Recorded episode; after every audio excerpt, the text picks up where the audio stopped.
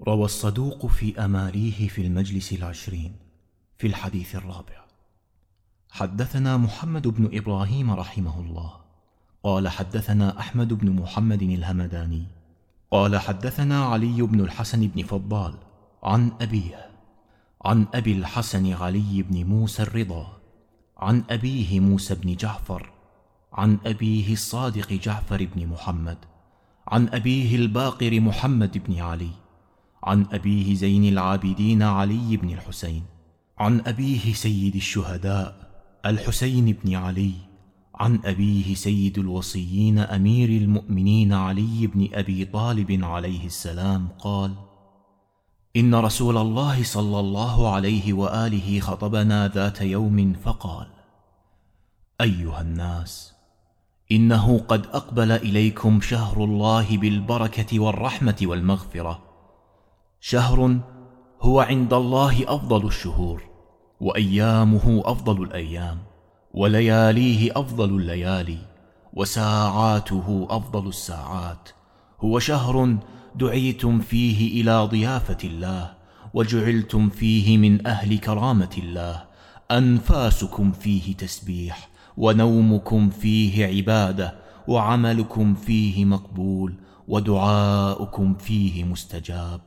فاسألوا الله ربكم بنيات صادقة وقلوب طاهرة أن يوفقكم لصيامه وتلاوة كتابه فإن الشقي من حرم غفران الله في هذا الشهر العظيم.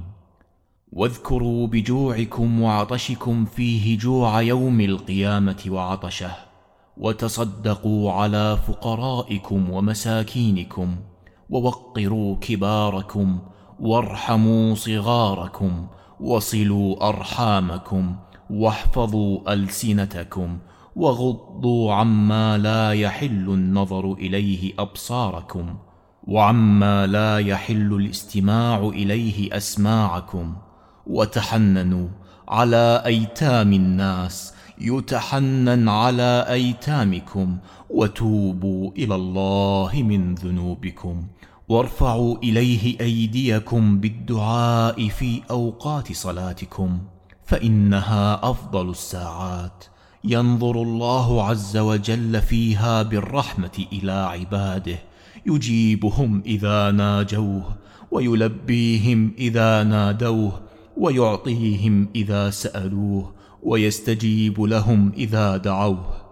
أيها الناس إن أنفسكم مرهونة بأعمالكم فكفوها باستغفاركم وظهوركم ثقيلة من أوزاركم فخففوا عنها بطول سجودكم واعلموا أن الله تعالى ذكره أقسم بعزته ألا يعذب المصلين والساجدين وأن لا يروعهم بالنار يوم يقوم الناس لرب العالمين أيها الناس من فطر منكم صائما مؤمنا في هذا الشهر كان له بذلك عند الله عتق نسمة ومغفرة لما مضى من ذنوبه. فقيل يا رسول الله وليس كلنا يقدر على ذلك. فقال صلى الله عليه وآله وسلم اتقوا النار ولو بشق تمرة اتقوا النار ولو بشربة من ماء. أيها الناس من حسن منكم في هذا الشهر خلقه كان له جواز على الصراط يوم تزل فيه الأقدام. ومن خفف في هذا الشهر عما ملكت يمينه خفف الله عليه حسابه. ومن كف فيه شره كف الله عنه غضبه يوم يلقاه. ومن أكرم فيه يتيما أكرمه الله يوم يلقاه.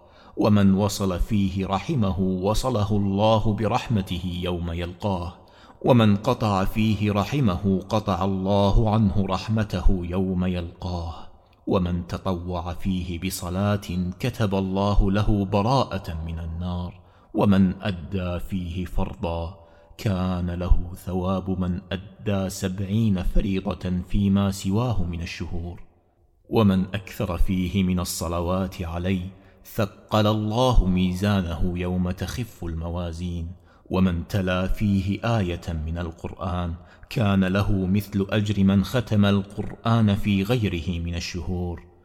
أيها الناس إن أبواب الجنان في هذا الشهر مفتحة فاسألوا ربكم ألا يغلقها عليكم وأبواب النيران مغلقة. فاسألوا ربكم ألا يفتحها عليكم. والشياطين مغلولة. فاسألوا ربكم ألا يسلطها عليكم.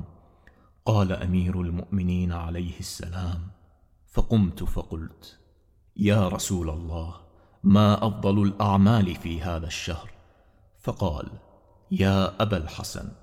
أفضل الأعمال في هذا الشهر الورع عن محارم الله عز وجل. ثم بكى.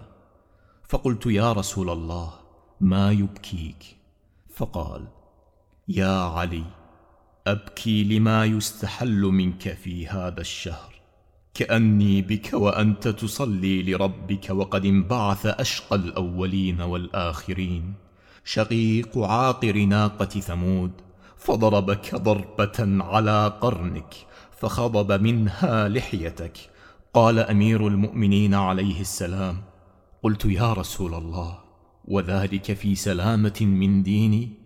فقال في سلامة من دينك.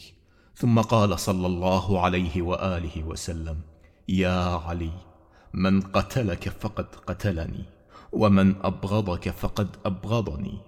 ومن سبك فقد سبني لأنك مني كنفسي روحك من روحي وطينتك من طينتي. إن الله تبارك وتعالى خلقني وإياك واصطفاني وإياك واختارني للنبوة واختارك للإمامة. فمن أنكر إمامتك فقد أنكر نبوتي. يا علي أنت وصيي وأبو ولدي وزوج ابنتي وخليفتي على أمتي في حياتي وبعد موتي. أمرك أمري ونهيك نهي. أقسم بالذي بعثني بالنبوة وجعلني خير البرية. إنك لحجة الله على خلقه وأمينه على سره وخليفته على عباده.